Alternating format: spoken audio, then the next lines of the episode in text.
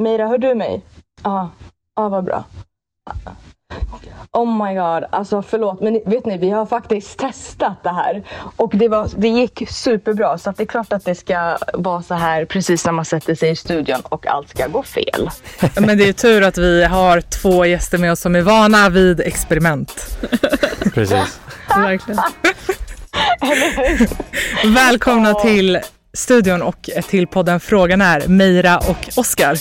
Tack så mycket.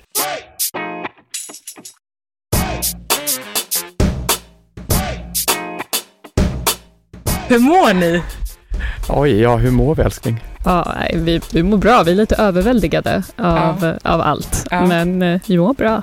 Ja, nej men vi absolut, vi mår bra men det är, dagarna är långa och det händer mycket. Vad är det ni gör om dagarna? Eh, vi har ju egentligen helt vanliga jobb. Egentligen. Så att, Och helt eh, vanliga liv egentligen ja. också. Och vad, vad innebär det? Ja, vakna på morgonen, borsta tänderna, gå till jobbet, träna, åka hem, laga middag. Och sen börjar liksom det här nattlivet med massa kvällsintervjuer och Ja. sitter och meckar med teknik i LA och Sverige. Och... Ja, på våra luncher efter jobbet då är det en intervju, podd, var här, svara på det Och där. jag såg att ni var med Efter fem, var det igår eller förrgår? Det var ju Ja, i förrgår. måndags. Ja, i Mm. måndags. Precis. Så det är lite så här, jag är ganska ny på mitt jobb dessutom, men jag har smitit iväg lite tidigare, ganska frekvent. Vad tycker jobbet om att du gör det här eh, programmet och att responsen har blivit så här enorm efteråt? Eh, ja, men de är jättestöttande faktiskt, Ja. måste jag säga. De, de är helt fantastiska och har varit väldigt eh, flexibla med att jag får flaxa runt lite nu i början. Tycker du om det är kul? Du är Ja. liksom kändisen på jobbet nu. Ah, jag vet inte, men det är mycket fikarumsdiskussioner, Ja. även nu efter allting har släppts, definitivt. Ja men alla vill ju veta allting. Alltså det är ju det, är det det är. Alltså, Ja. Folk har ju varit helt besatta av det här programmet. Alltså Ja, på ett sjukt. sätt som är kanske lite ohälsosamt och då talar jag ur egen erfarenhet. Alltså, Är du ja. besatt? Nej men Ka- Katja har varit Nej, men besatt. Alltså, ja. Nej men alltså Katja har ju varit besatt på en sjuk nivå. Jag kom ju inte igång med tittandet till en början.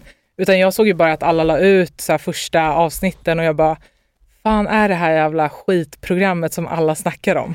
Och jag bara kände, för jag, jag kollar alltså. inte på reality och varenda gång jag pratade i telefon med Katja så var hon så här, har du sett det? Har du sett det? Har du sett det? Jag bara, sluta. Så träffade jag en kille. Nu är du ju snäll. Nu är du ju snäll. För nu var jag så här, jag, jag var ju mer, du måste se det. Ja, jag vet. Alltså annars kommer jag inte prata med dig. Men på den nivån. Nej men alltså det var så sjukt för jag träffade en kille eh, och vi var hemma hos mig, typ lagade mat och sen så skulle vi kolla på någonting. Och då sa jag så här, men om vi ändå ska kolla på något då kan vi kolla på Love is blind. Han bara, fan, han bara, är du skön eller? Tror du jag ska kolla på Love is blind? Så här jävla dokusåpa. jag bara, men alla snackar om det, det kan väl vara kul. Och sen så satt vi och kollade första avsnittet, så kollade vi andra avsnittet, så tredje avsnittet jag bara skulle säga något, han bara tyst! Han bara han ska fria till henne. Jag bara "Vad fan. Och så bara satt han och liksom tittade klart på allting och så sa vi så här, du får inte se det här, alltså vi, vi ska inte se det utan varandra. Så dagen efter så messade han mig, han bara jag kunde inte hålla mig. Han bara jag satt och såg alla avsnitt. Oh my god. Oh, Ja. Den är inte okej. Nej, så att det är verkligen så här, alla personer från samhällets alla hörn har ju följt det här och har följt er resa. Ja, det är lite sjukt. Man har inte alltså, så här, tänkt på det riktigt, men man inser ju nu, och där är den stora fikasnackisen, tror jag, på alla, alla jobb och när folk stannar en på gatorna och alla som skriver till oss, inser man ju att okej, men Mm. oj, vad det tittas. Men vet ni vad jag tror att det är? Jag tror att det här är en sån fråga som engagerar så många. För att det är ju, är det något man söker i livet så är det ju kärlek. Mm. Och jag tror också, du vet, när man rör sig runt 30 och 30 plus och speciellt i vårt samhälle så blir det ju svårare. Och speciellt med tanke på hur ytligt allt har blivit. Så jag tror att många på något sätt kan relatera till det och att jag tror att det är därför det engagerar och berör på det sättet är gjort. Ja, jag håller med. Jag tror, precis som du säger, en stor bidragande faktor till succén är ju så här, dels att folk är lite äldre i det här Mm. programmet. Ehm, lite olika typer av människor och sen så tror jag också att det har varit någonstans ett hål i, alltså det har funnits ett tomrum för någon reality som är lite mer relaterbar och inte är bara massa unga, snygga, ehm, alltså i ja, säg Paradise Hotel eller vad Som det bara nu kan ligger vara. med varandra. Ja, alltså, Ja. ja. Eller var ligger någonting bak- som man ligger bakom stängda dörrar nu. Mm. som, så Ja. det här är definitivt mer relaterbart Ja. på många olika sätt, Ja. även om det också är helt galet och lite dramatiskt. Men det, känns, det är så himla mycket singlar i Sverige också. Mm. Är det inte jätte, jätte singeltätt i storstäderna?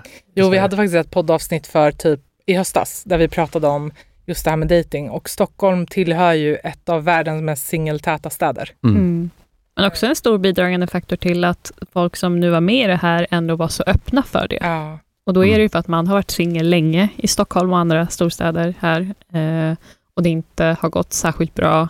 Så tror jag att man gick, eller nu kan jag bara tala för mig själv egentligen, men jag gick in i det här och bara okej, men det du har gjort innan har ju inte fungerat. Eh, så nu får du gå in med ett mer öppet sinne än vad du har gjort innan. Så. Hade ni testat online dating? Eller vad var det som gjorde att ni sökte? Som gjorde så här, vad var det sista, eller det steget som gjorde att ni vågade söka till det här ändå ganska blottande programmet? Ja, vi har nog lite olika, olika stories, eller datinghistorik. Så jag tror att för mig eh, så har jag egentligen bara haft ett förhållande. Det var väldigt länge och det var inget så bra förhållande egentligen. Det var väldigt, det var ett situationship mer än någonting, Mm. fram och tillbaka i många år.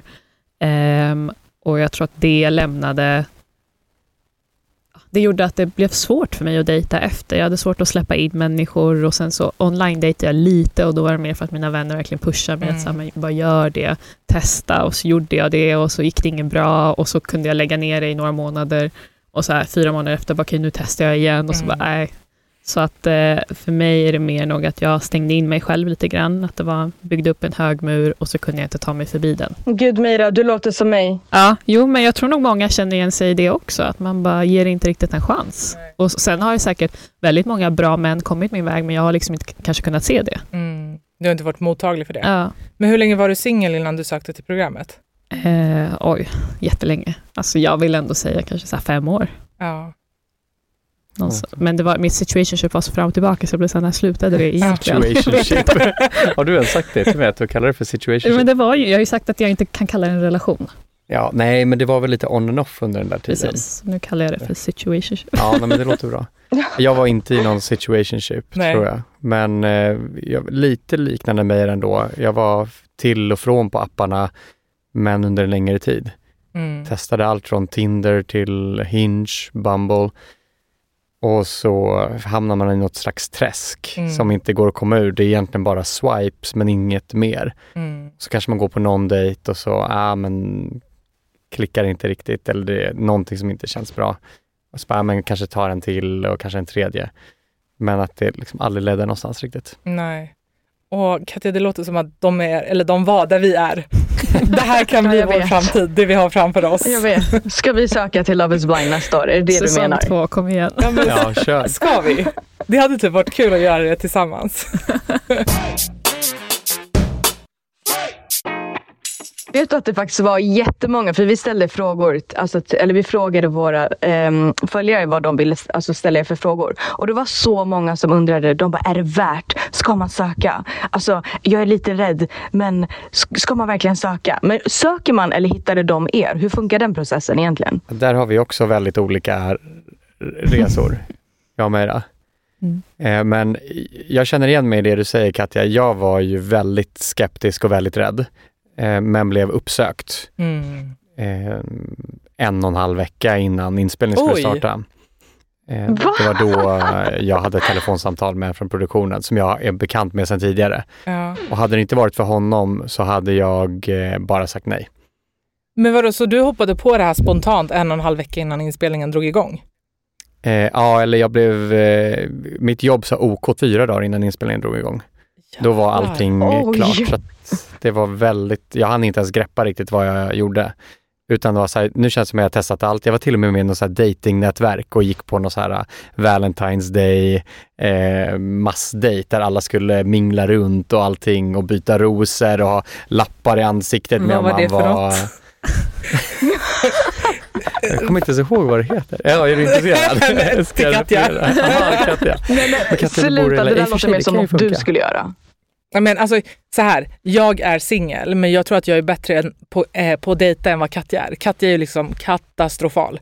Hon Ja, är datingmässigt handikappad. Alltså hon förstår inte hur det funkar. En kille flörtar med henne och hon är så här, huh?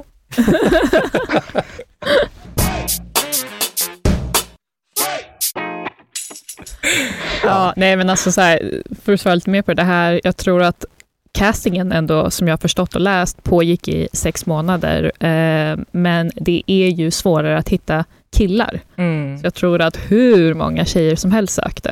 Eh, men att just bra killar Aha. var nog inte lika många, så de har ju verkligen varit ute och letat folk. Eh, Och nog haft lite, alltså så här, lite med dig att göra innan, när du gjorde Robinson, det är lite samma produktionsbolag. Eh, så de visste nog att okay, men här är en bra kille, det här kan bli bra. Så de letar ju efter bra bra, människor ändå. Ja, nej, men, eh, men ja, jag vet, sen om, jag tycker jag har fått den frågan många gånger att ska man göra det som en kul grej? Och där har nog säkert alla i casten olika svar. Men jag tycker inte man ska göra det som en kul grej. Jag Mm. tycker man ska göra det för att man vill gifta sig och ingenting annat. Eh, där kanske du tycker annorlunda, Meira. Men, eh, och det finns inget rätt eller fel. Men jag gick verkligen in med att jag, jag hoppas, hoppas, hoppas verkligen jag träffar någon. Mm. Och allting annat kunde jag bry mig mindre om faktiskt. Och du Och gjorde det, det? och det kanske är många som vill hoppa på bara för att ah, men det blir en kul grej. Mm. Och, och varför sökte du in, Mira? Eh, för mig var det, alltså så här, dels är jag ett stort fan av det här programmet. Du har sett det liksom ja, innan så jag i flera länder? amerikanska, Ja. sett brasilianska och ehm, har fått förfrågningar om typ så andra datingprogram innan. Allt från så här, Bachelor till dejta i vildmarken, dejta naken. Alltid sagt nej. Och bara, jag tror nog att jag aldrig skulle kunna göra reality, och särskilt inte i dejtingsammanhang. Och så skojat lite med mina vänner och bara, ja men om, om det är något, det enda, så är det Love is blind. För att jag gillar konceptet, jag tycker Mm. att det är mer jag och det är inte lika så här, äh, bara drama och alltså så här, på det sättet. Ehm, och sen så gick de ut med att de sökte, ehm, eller att man nu kunde liksom ansöka och alla mina vänner skickade. De var lite som, så här, som du är med Katja, bara här, Ja. hoppa på det, gör det. För de vet att jag är sämst på att dejta och antagligen skulle vara singel hela livet om inte de pushar mig. Katja, där är du! du är i samma situationship. Och Jag, vet, jag, vet du, jag kände verkligen du vet, de satt och berättade om det. Jag bara oh my god, hon berättar om mitt liv. Men det är en annan människa som har levt det. Det är, alltså, det är skönt att veta att man är inte är ensam med situationships. Ja, nej, så det kanske, kanske är något så här galet du måste göra Katja för att kasta sig ut i det. Ja. Uh, jag vet inte om jag är li- lika modig som ni är. alltså, när ni frågade, ska man göra det här, ska man söka? Eh, absolut, men det jag också ville säga där som kopplat till det här är att man också får vara väldigt förberedd på att det kan komma att skapas liksom ett narrativ om dig som passar in i någonting. De vill förmedla att okej, den här personen är på det här sättet och det kanske inte alls är det som hände helt. Så jag tror i vårt fall, så vi byggde ju verkligen en, en stark relation. Vi blev jättekära i varandra inne i de här kapslarna som det kallas. Redan då? Ja, Ja. och det är ju där, alltså annars Ja. hade ju Oscar inte friat där och då Mm. om inte det var att vi faktiskt fick känslor för varandra. Mm. Och sen så kom självklart utmaningar, men utmaningarna var, de var ju bara en, en liten del. I det stora hela så hade vi ju både en magkänsla som sa att det här är en relation som är värd att jobba för som, Mm. och vi vill gå framåt och vi bekräftade varandra, vi gav det chanser, men utåt sett ser man ju inte riktigt det. Man ser min oro Mm. eh, och så ser man stackars Oscar som bara åh nej, typ. Eh, Ja, men alltså man, jag tänkte när jag såg det, jag bara stackars Oscar, alltså att du Ja. har fallit i klorna på Myra. Nej. ja, det var inte så här- jag, jag föll i klorna på Meira. Så försöker jag se det. Ja. Som en positiv grej. Nej men det är också så här mycket hur det klipps. För Absolut. att er relation är ju, alltså du, du klipps ju som en så här störig person som har massa krav, alltså som bara så här rättar Oscar och som så här påpekar hans så här chinos och du vet man tänker bara så här fan stackars Att han inte äter Oscar. oliver. Han kan inte Ja, att han inte äter oliver. Men sen är ju också er relation den som växer mest under hela programmet.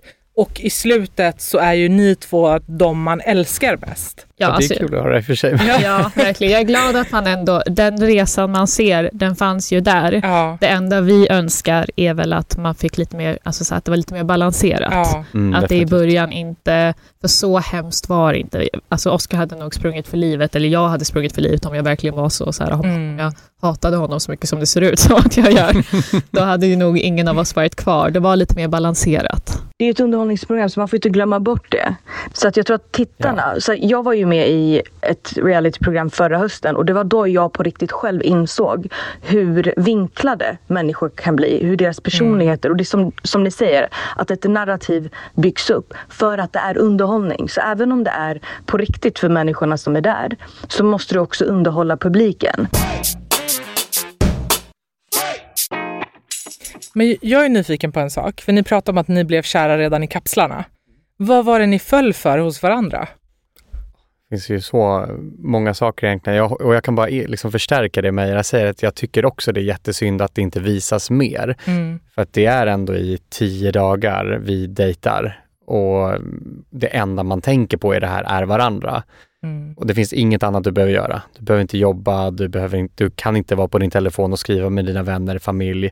Du behöver inte tänka på när du ska äta, du måste typ be om lov och gå på toaletten.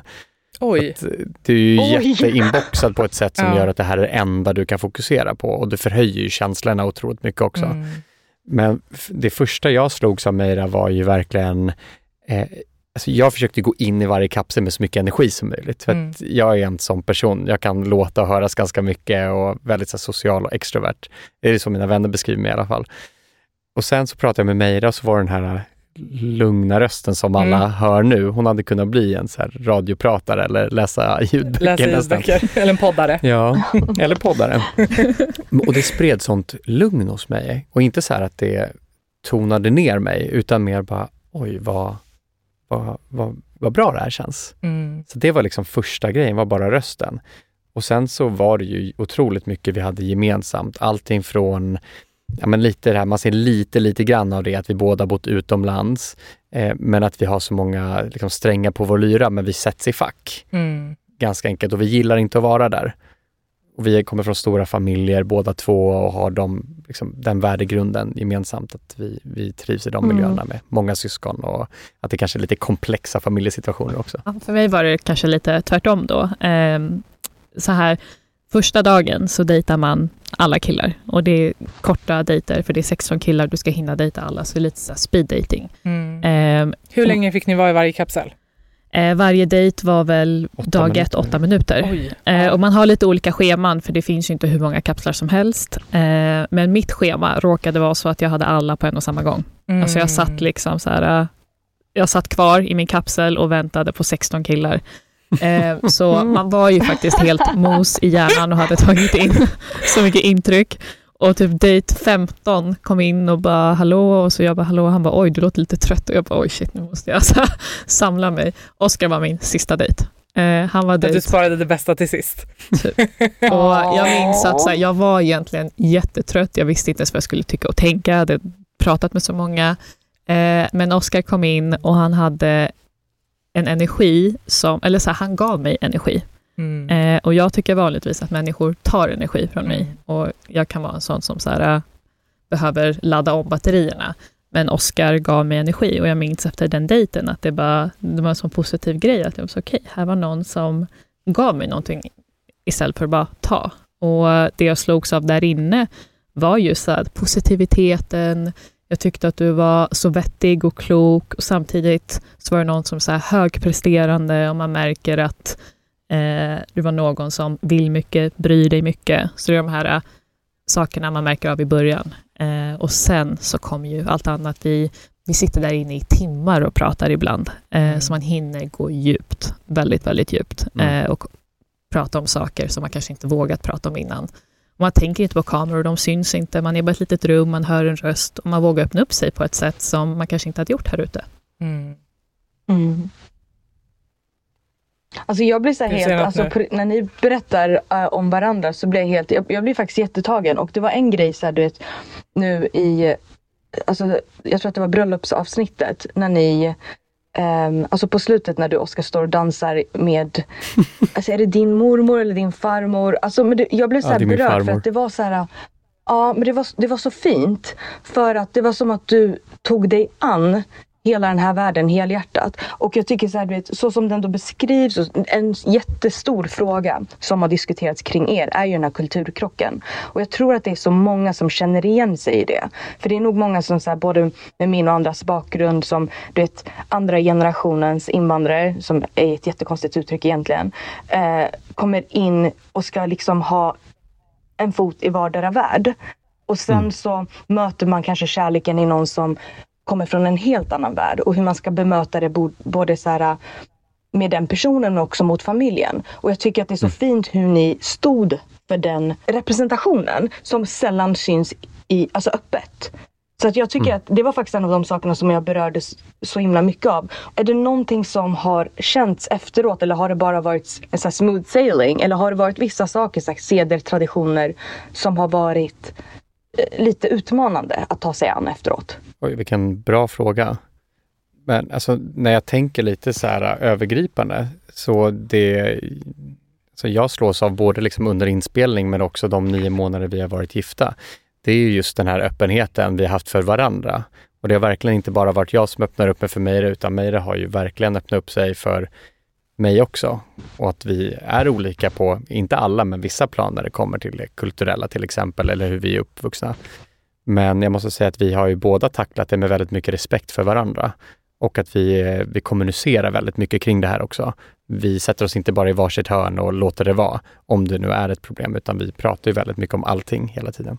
Ja, och någonting jag tror har varit väldigt tacksamt i vårt fall är ju att båda våra familjer är så otroligt öppna, fina och snälla och mina föräldrar har ju välkomnat in Oscar med öppna armar och de älskar Oscar. Alltså Oscar har världens finaste relation med både min mamma och pappa eh, och även din familj har ju gjort sitt yttersta. Och jag tror så här för mig, det var ju mer ett problem hos mig i början än vad det var hos Oscar. Jag tror du, du har lite så här med kulturella skillnader, varför skulle vi ha det? Och för mig var det mer en rädsla att så här, jag har vuxit upp på ett sätt där jag kanske inte alltid känt att jag hör hemma i vissa sammanhang. Och det ligger hos mig. Det är aldrig att så här, någon sagt att så här, du är inte välkommen här. Det, det händer i små, med små, små medel och tecken som gör att man bygger en sån känsla av mellanförskap, eller vad man nu ska kalla det. Eh, men med din familj har jag aldrig känt det. Eh, och även när vi, så här, i år firar jag midsommar för första gången på ett väldigt så här, svenskt sätt ute i skärgården, dansar runt stången. Alltså, jag har aldrig gjort det förut, jag har ändå bott här hel, nästan hela mitt liv. Men jag har aldrig så här, nubbehäfte och alltså, all, aldrig Jag kan det. säga att jag har aldrig gjort det heller. Ja, men Ja. det är så för oss inte är det jag inte heller. jättevanligt att inte ha Ja. gjort det, men det var, kändes så stort för mig att ha gjort För det. jag kan inte hänga på Ja, jag nästa tänkte just säga det. Kom med nästa gång. Kom med. Det var ju kul till viss del, men kan, kan inte du berätta om hur myggbit, be, vad heter det, biten? Myggbiten du blev? Ja, jag har aldrig varit ute i skärgården på det sättet, så jag var lite så här, hade du inte så här myggarmband eller någonting? Alltså jag hade allt, men de attackerade mig. Det kanske var för att jag hade för mycket myggmedel på mig. De zing. Ja, det fick så här motsatt effekt. Alltså, och jag tyckte så synd om dig, för vi bodde i en så här liten, liten eh, stuga Ja. ute i skärgården på en ö som jag är uppvuxen på. Men det var fullt överallt eh, hos vänner och allt vad det nu var. Så att vi fick klämma ihop oss i den här lilla, lilla stugan. Och så sitter vi en kväll och bara så här, lyssnar på musik och myser dagen innan eh, midsommarafton. Och den här svärmen av mygg bara attackerar Meira. Så, så här, får, du får ju nästan panik. Och jag bara, åh nej. Alltså jag har aldrig det? känt mig så, så här utpekad. Verkligen så här blatten eh, på den här ön, den enda. Blatten från Botkyrka. blatten på Botkyrka. Och jag tyckte så synd om dig. Nej, vad är det jag tvingat henne till att göra? Men det var kul, det var, och hela grejen. Alltså så här, äh, ja, så kul att fira midsommar på det sättet. Så att vi har ju ändå givit och tagit av varandras kulturer. Absolut. Man ser ju också redan där i de avsnitten i början att jag, jag kommer ju över det. Jag inser att det låg hos mig mer och att det, om, om jag är öppen för det eh, så, kan jag, liksom, så kan vi bara binda samman våra, våra världar. Att det inte behöver vara, att, att det är tvärtom, att det, det kan ge oss så mycket, att det förgyller och att man får ta del av varandras. Jag har ju föräldrar som också kommer från olika kulturer och de är ju mitt största exempel på att det kan gå väldigt bra. Mm. Så jag tror att jag hämtade styrka i det. Jag hämtade styrka i att du var så fin och mottaglig och att du inte avfärdade min oro som så här, många online bara, men vad gör du där? Liksom, stick då. Mm. Och du sa aldrig stick hem till Afghanistan om du inte, Mm. om du inte kommer acceptera Mm. det här. Att säga faktiskt. Ja, men, och det har jag fått höra. Så att jag är glad att det gick bra. Oskar har ju tagit med dig Mira till skärgården. Har du tagit med honom till Botkyrka? Oh ja. ja. Vi, eh, mina föräldrar bor ju fortfarande eh, i Botkyrka. Vart i Eh, Botkyrka? I Hallunda. I Hallunda? Ja. Eh, så, och vi är ju faktiskt där rätt ofta. Mm. Vi var där nu i helgen senast. Eh, så att, ja, nu har du varit i Botkyrka en del. Ja, men vi hade ju faktiskt afghansk förlovningsfest i Ja. Botkyrka också, Mm. med båda våra Nej, är familjer. det sant? Mm, gud Mm. vad kul. Och då dansade jag igen. Gör du? Ja. Vi har en lite så här, det kallas för shirini khori. Eh, och då är det lite typ att man ger en bricka, vi gör en så här stor bricka med massa godis och så, men sen också som ett tecken på att man typ så här överlämnar, du skulle köpa den här brickan, mer eller mindre. Så att han skulle ge liksom pengar för den här brickan och det blir lite symboliskt att du typ köper mig, jag vet inte, jag är godis. Eh, Alltså, standard i all typ av så här mellanösternkultur. Allt som har med äktenskap, förlovning att göra, det är alltid pengar inblandade. Och jag sa det till Oskar, jag sa okej nu måste du tyvärr ta fram ett kuvert, måste ha massa pengar i kuverten. Det ska Men vara ett tjockt kuvert. Eh, nej, så att du var, ja, det var väldigt... Jag älskar att du berättar om det här öppet. Jag älskar att du står så öppet för din kultur. För det finns så många som så här, du vet, försöker så här, downplay it lite. Men jag älskar att du så här, bjuder, alltså, bara bjuder till och bara det här är det vi gör och det vi gör. Alltså, det, för jag kommer ihåg att när man var yngre speciellt att man var lite så här, man skämdes lite för att berätta var man kom ifrån. Man ville typ inte att alla skulle veta om alla ens konstiga kulturer. Och här står du på liksom bästa sändningstid framför en internationell publik och bara öser på. Alltså jag älskar det Mira, älskar det. Tack. Ja, jag tror att jag har känt länge, jag tror så när man är lite som jag och, och, och ni också, att man kanske inte alltid känner sig helt hundra i någon kultur. Man är en del av Mhm. alltså Sverige och landet man är uppvuxen i, men också den kulturen man har hemma och den bakgrunden. Eh, och kanske länge sökt någon form av identitet. Jag tror för mig var vändningspunkten när jag insåg att så här, men jag, jag kan skapa min egen, den vi har hemma. För att så här, är jag i Afghanistan påpekar folk att jag inte är så särskilt afghan. Jag är i Ryssland, är det också så här, vart kommer du ifrån här? Är det, vart kommer du ifrån? Mm. Och så känner man att så här, men var tillhör jag? Är det här, alltså så här, vad är min identitet? Och så skapar man en egen och då kände jag att det var så mycket lättare att bara omfamna allt det jag är. Och jag vet att det inte är 100% afghanskt eller 100% ryskt eller 100% svenskt, men det är jag och jag vill så gärna 100% visa det alla. Ja. Jessica Almenäs ställer ju en fråga på slutet om så är kärleken verkligen blind eller är det bara en del utav det? Mm. Så, för det är ju, vi, vi har ju sett det i alla säsonger som har gått, vare sig det är i USA eller nu i Sverige också, att det, det, liksom, det skaver för vissa par när de ser varandra. Så för, jag tänkte så här, tror ni att kärleken är blind eller är det bara en del utav det? Men jag tror verkligen att kärleken är blind, men eh, det kan ju komma moment som man liksom ändå måste, vad ska man säga, tackla efter att man har suttit i de här kapslarna till exempel. Eh, så att det är nödvändigtvis inte så att man ser varandra första gången och sen bara omfamnar allting, utan vissa saker kommer ju som en chock och det gjorde det för oss också rent vad ska man säga, utseendemässigt. Vi hade ju verkligen inte byggt upp några bilder av varandra, men vi kunde ändå inte koppla ihop eh, rösten med person och ansikte. Mm. Så det var ju en utmaning och det ser man ju i många av de här paren också. Men det som ändå gör att många övervinner den här rädslan, det är ju för att det finns någonting viktigare där. Mm. Och därför tror jag kärleken är blind.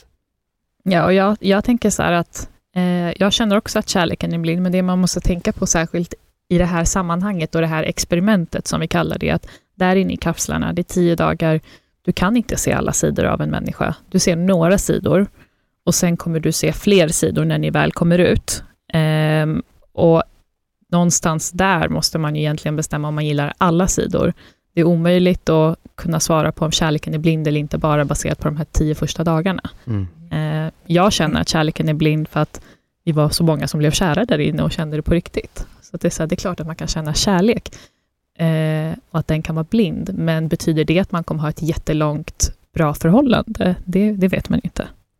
Mm. Nej, för hela experimentet är väl i ungefär typ två månader. Och så ska man ju vara gift efter de här två månaderna. Och då blir det ju så här, vet, det är omöjligt att som du säger lära känna en människa helt och hållet. Alltså det tar ju år, det tar ju en livstid att lära känna en Ja. människa på det sättet som man känner en partner. Men jag tänkte efteråt, vad, vad var er största utmaning och hur tog ni er tillbaka från den utmaningen? Ja, nej men alltså det, det första vi gjorde, vi sa ju direkt att men vi flyttar ihop. Och Och ingen ni av- hade ju inte bott sambo med någon innan, någon av er. Nej. Nej. Nej, vi har bott med våra syskon och vi har bott med roommates och Mm. sådana saker, men vi har aldrig bott med en partner. Mm. Eh, så det var ju största utmaningen egentligen, att flytta ihop. Och vi flyttade ju inte ihop på en, i en ny lägenhet, utan Meira flyttade hem till mig. Och det kom ju med eh, utmaningen, det var ju så jag uppfattade det och jag tror att du stämmer in på det också, eh, att Meira kände sig som en gäst Mm. hemma hos mig. Hon kände sig inte hemma. Ja, absolut. Jag tror att i det här, när allting går så himla fort. Eh, så här, vi gick in i det här experimentet, eh, ja, vad var det, början av förra året, under våren där. Ehm, och sen så blev, för mig i alla fall, livet aldrig detsamma igen. Jag gick in och ingenting blev som vanligt. Eh, för Oscar var det lite så här, vi gifte oss, du kan flytta tillbaka hem till dig, du har samma väg till jobbet, samma gym du är på, du fick lite av din trygghet tillbaka. Och för Precis. mig var allting Mm. så himla nytt och så ska jag försöka bara anpassa mig eh, och man, blev, man kände sig lite vilsen. Eh, och jag ja, försökte bara ta in allting, försöker känna mig hemma. Alltså så här, jag vill ju vara där, men jag känner mig inte helt hemma.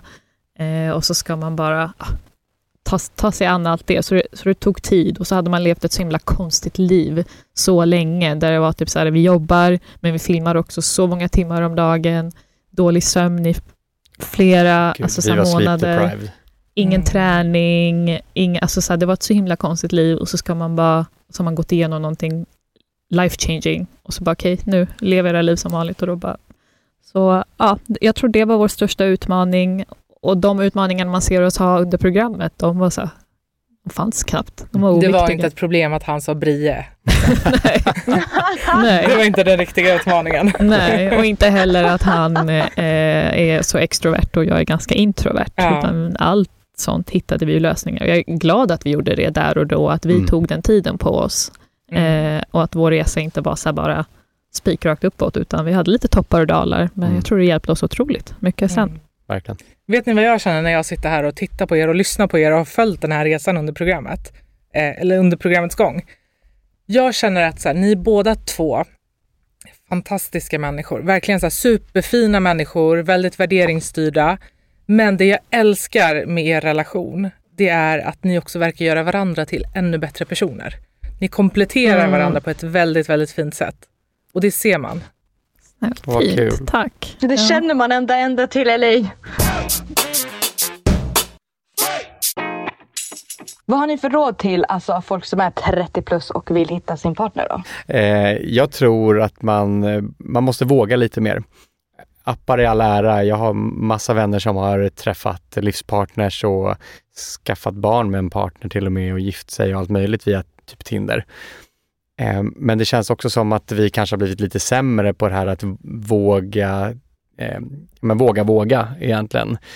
Eh, det, alltså, ragga på gymmet kanske inte har varit min grej någonsin, men istället för att låtsas att man vill hjälpa dem med vikterna så kanske man faktiskt kan be om ett nummer. Jag vet inte, Mm. men i vilken setting som helst som inte är krogen. Krogen kan ju funka också, men jag tror bara så här, ser du någon som du är intresserad av eller du är med någon som du kanske är lite intresserad av, våga fråga den personen. För jag tror att man, många hade uppskattat det mer än vad man tror. Mm. Mm. Och för mig och alla som är som mig, så bara våga släppa sin gard lite. Eh, och så här, är man mottaglig så tror jag att väldigt bra saker kan komma till en. Eh, om man också är- en bra person själv, så är det klart, så här, varför ska inte man få ta del av kärleken? Mm. Eh, så att man måste bara våga känna. Men jag känner nog att jag är mer där du har varit. Att jag känner mig väldigt rädd.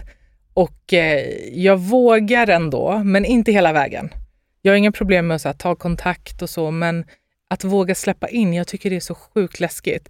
Just för att också vi lever i en tid där människor, men så här, det som du sa innan med Tinder, Oskar, att så här, folk bara swipar. Man hamnar i någon typ av träsk där man bara swipar och allt är superytligt. Det är liksom motsatsen till Mm. Love is blind.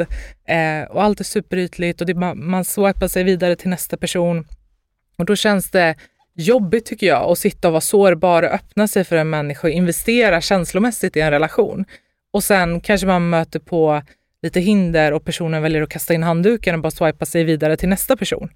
Och det är så svårt att träffa någon som är i det mentala stadiet där man själv befinner sig. Lite där ni båda var och kände men vi är ändå redo och mottagliga för att träffa någon.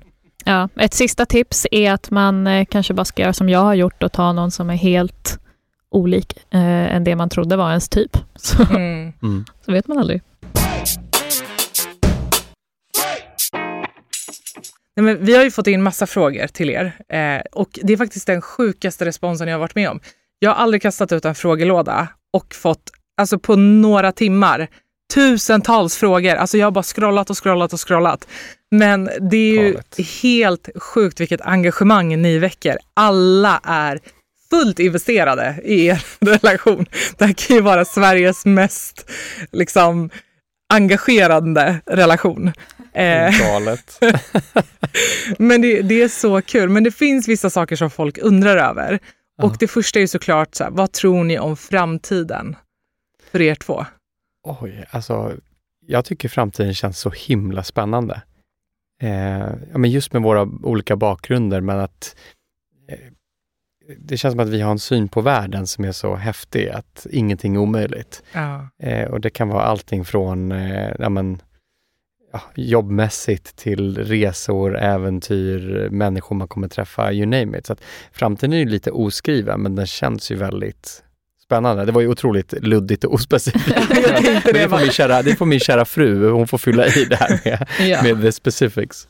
Ja, nej, men så här, en grej som är bra med det här experimentet är att man i de här första dejterna som är åtta minuter, dag ett, kan eh, gå in på saker som är viktiga och vi insåg rätt tidigt att vi kanske har lite samma timeline. Att det är så okej, man kanske vill ha barn inom ah, tre till fem år, alltså inte direkt. Um, och så vill man göra det här och det här, så att vi visste redan så mycket sånt om varandra och nu så fortsätter vi på det spåret att okej, så här, familj inom kanske så här många år vill man börja försöka, nu vill vi resa, vi vill Mm. utforska, vi är båda två människor som tycker om att göra många olika saker, så det känns som att så här, Mm. vår resa bara börjat.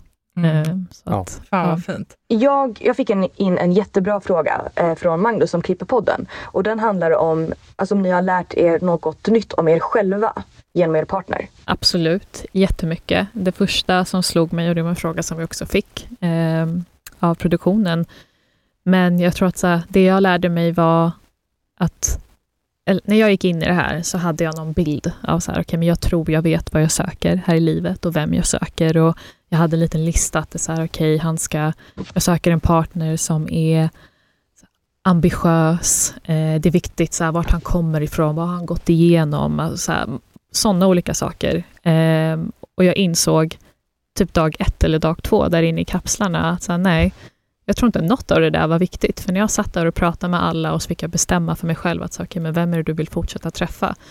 Då insåg jag så snabbt att det jag söker är någon som har nära till sina känslor, någon som är kommunikativ och kan kommunicera dem. Eh, alltså alla de här värdena som jag inte, jag la inte jättemycket värde vid det tidigare. Och sen träffade jag och pratade med någon som Oscar, så var jag så här, men ja, this makes sense. Det är det här jag egentligen har behövt och kanske inte tänkt på. Så jag tror att bara sådana grejer, att det man tror att man söker kanske inte alltid är det.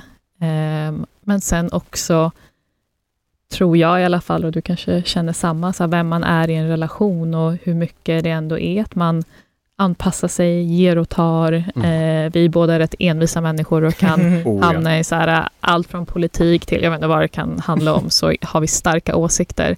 Ja. Men att ibland veta att så här, okej, men här behöver jag inte vinna det här argumentet, Mm. eller jag behöver inte, alltså så här, att bara ja, ge plats och utrymme för någon annan. Mm. Jag kan egentligen bara instämma. Jag, eh, jag hade kanske ingen lista riktigt så, ja men kanske någonstans i bakhuvudet, men jag hade jag har länge trott, och det säger jag på bröllopsavsnittet också, att jag trott att jag behöver mer eller mindre en kopia av mig själv. Mm. Och det insåg jag ju verkligen när jag träffade mig att, åh gud vad jobbigt att ha en kopia av mig själv och, och vara gift med. Eh, och jag har insett verkligen att, ja men lite det här som jag tror att vissa snappat upp också, den här yin och yang balansen. Att vi, Mm. vi, är, vi har väldigt mycket gemensamt och vi har värderingsmässigt framför allt. Men, men vi är också väldigt olika, men att det kompletterar oss så himla mycket. Så det är ju jättemånga fina sidor som Meira har, som jag tidigare kanske varit, nej men det där kommer jag nog kanske aldrig mäkta med. Mm. Men det är just det som har gjort att vår relation har blomstrat. Och jag kan lätt säga, och det är inte något jag bara säger, utan Meira är verkligen min bästa vän. Jag är jätteledsen Magnus, eh, som är min bästa, var min bästa vän inför det här. eh, men han är lyckligt gift nu också jag, och han sa att hans fru var hans bästa vän, så det är så här, vi har gått vidare. Från er relation. ja, fortfarande så här, näst bästa vänner, men, men Meira är min Oh my god, min andra, bästa tänk om vi skaffar nya bästa vänner. Åh, Ja. Ja, nej men det är jättefint. Alltså det är ju verkligen, det är ju så fint. För det är ju precis det här relationer egentligen ska handla om. Mm. För att många eftersträvar ju den här passionen och det här intensiva. Men det där dör ju ut. Och om man inte Ja. kan hitta den här vänskapen som relationen bottnar i så kommer den ju inte kunna hålla över tid. Precis, Mm. bra sagt. Ja. Tack. Ibland plötsligt händer det. Relationship expert. Ja, verkligen. Ja, supersingeln. Vems vänskap av de andra deltagarna uppskattar ni mest? Och är det någon ni inte pratar med idag? Ja, alltså jag tror så här, för mig i alla fall, så fann jag min Katja eh, väldigt tidigt där inne eh, i kapslarna. Och man är ju ganska många tjejer, men det är ju inte alla tjejer som liksom gå- går hela vägen. Eh, så för mig att ha Katja, vi blev vänner redan där inne i kapslarna, men sen såg jag att hon också skulle med till Cypern. Det var en enorm lättnad, för man, Mm. man går runt där på Cypern och har mest ont i magen, för man är lite så här, det här är så mycket, vad gör jag? Är jag, Ja. är jag redo för det här? Och att ha en trygg punkt när du inte har någon telefon, du har ingen kontakt med omvärlden och så inser du att du tagit ett skitstort beslut som du inte alls är ganska säker på.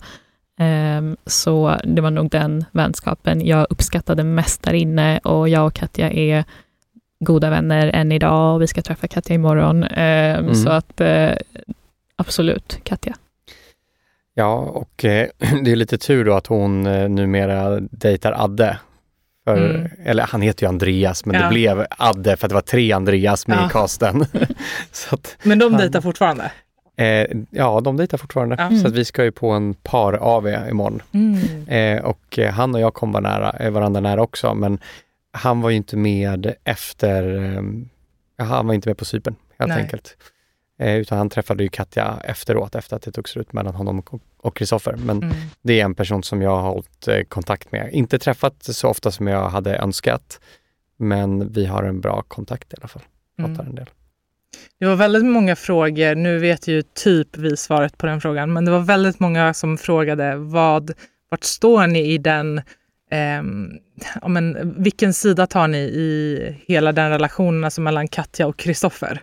Oj, den är Team jätteenkel. Katja. Ja, 100 procent. Ja, alla dagar i veckan. Ja. Men så här, för oss och du, vi, så här, vi såg deras relation first hand och det Ja. är jättemycket man inte får se. Eh, och kanske finns lite så här som man kanske kan förstå Mm. om man tittar, att man hör lite vissa så här, här och Mm. där och kanske ser några tecken på att allt inte var som det visades. Mm. Eh, vi såg det first hand och eh, sen vet jag, ni som har sett Reunion, jag är fortfarande lite butter över det, men jag tyckte ju att Kristoffer förolämpade dig och jag tyckte att han var väldigt Ja. oskön och jag tyckte det var ganska hemskt att liksom så hela den grejen. Så jag är ju inget jättestort Kristoffer-fan. Och, och jag som man också, eh, Team Katja 100 procent. Det är som Meira säger, det är otroligt mycket som inte är med av väldigt många olika anledningar. Mm. Tyvärr är det Katja som får, får, får ä, liksom ta den smällen nu av helt fel skäl, för att det är inte hon som ska ha den. Eh, och även fast vi kanske jättegärna vill dyka in i detaljer här, för att vi Mm. vet så himla mycket, så kan vi inte göra det riktigt, utan det är ju deras relation, det måste få komma från dem en dag. Men om det är någonting jag kanske vill trycka på lite grann, så är det ju just under eh, återföreningsavsnittet när Katja säger att hon inte kände sig trygg hemma och kom Nej, och jag sov reagerade också hos på mig det. och Meira. Ja, Eh, som kvinna finns det nog väldigt många anledningar till att Ja. man inte känner sig trygg hemma och inte vill sova hemma. Om man som tittare bara kan ta, ta med sig de orden och vara lite smart och koppla ihop ett och annat, så borde man kanske veta lite vad det handlar om. mm, Mer än så tänker jag inte Mm. säga, det kanske var lite för mycket redan, men, men Mm. eh, jag stöttar Katja väldigt, väldigt mycket. Mycket av det som händer mellan dem sker ju när kamerorna inte är där. Så att så här, de är inte där. Ehm, och det är ju också en stor anledning till att den sidan kanske inte kommer med. Trots att jag vet att Katja pratar om det här i synkar och liksom intervjuer.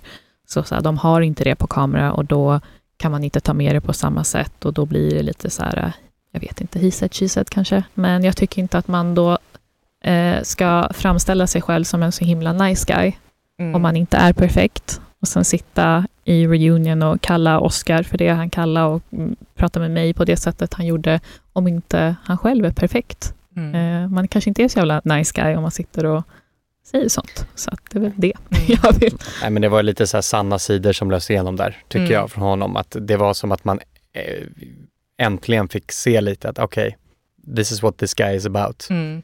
Och det hade man inte fått se tidigare, men det Nej. krävdes hela vägen till typ bland det sista som händer i reunion innan man får se det. Mm. Mm. Nej, för, för det jag reagerade på det är ju att han var ju en av de som man hejade på i början. Mm. Precis första avsnittet. Och man bara, när han såg Katja och han bara, gud hon är det vackraste jag har sett. Och man bara, gud jag hoppas verkligen att hon får samma känslor för honom. Och så såg man liksom deras resa.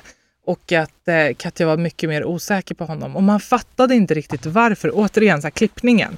Ja, men jag tror jag sa det väldigt tidigt att eh, alltså han var ju en person som jag aldrig riktigt kom, kom riktigt nära och han säger det till mig också. Mm. När det var hela den här dramatiken mellan, eller det var inte så dramatiskt, men mellan mig, Meir och Johan. De Mm. får det att se väldigt dramatiskt Mm. ut, men jag och Johan är väldigt goda vänner idag. Vi var Mm. det under hela kapselperioden också. Men eh, Kristoffer, han tog en väldigt så här, eh, tydlig sida där. eh.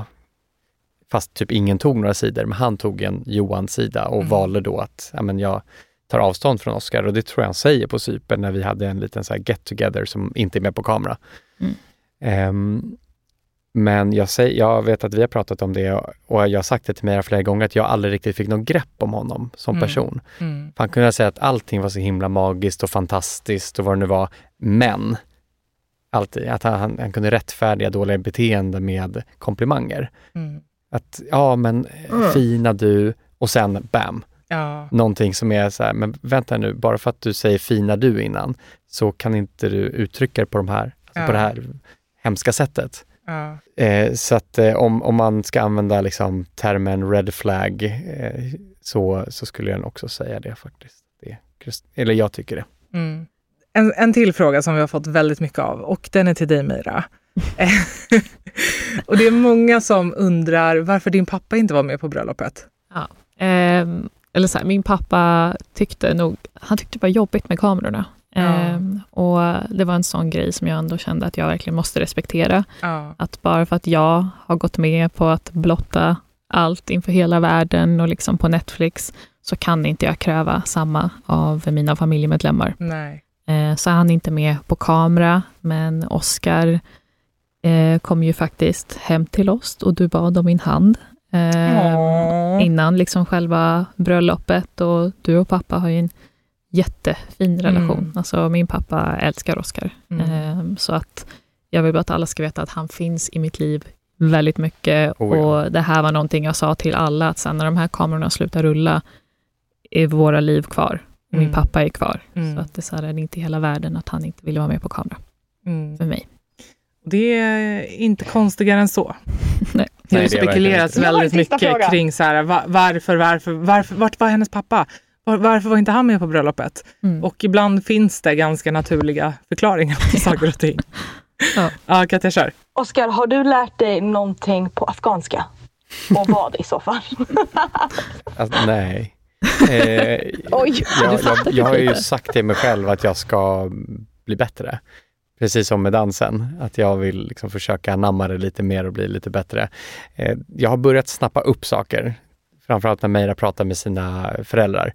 Att det, det finns så här meningar och ord som jag hör återkommande i Mm. olika sammanhang och då kan det vara så här, ja, men, i- jag, ja, men jag, jag tror jag, jag vet ungefär vad de pratar om. Men eh, Mm. nej, jag, jag kan inte prata någonting. Tyvärr. Men ska inte du... Kan du säga någonting? Ja, men ska, vänta, ska inte, vi, ska inte Meira köra en liten, en liten afghansk kurs med honom här?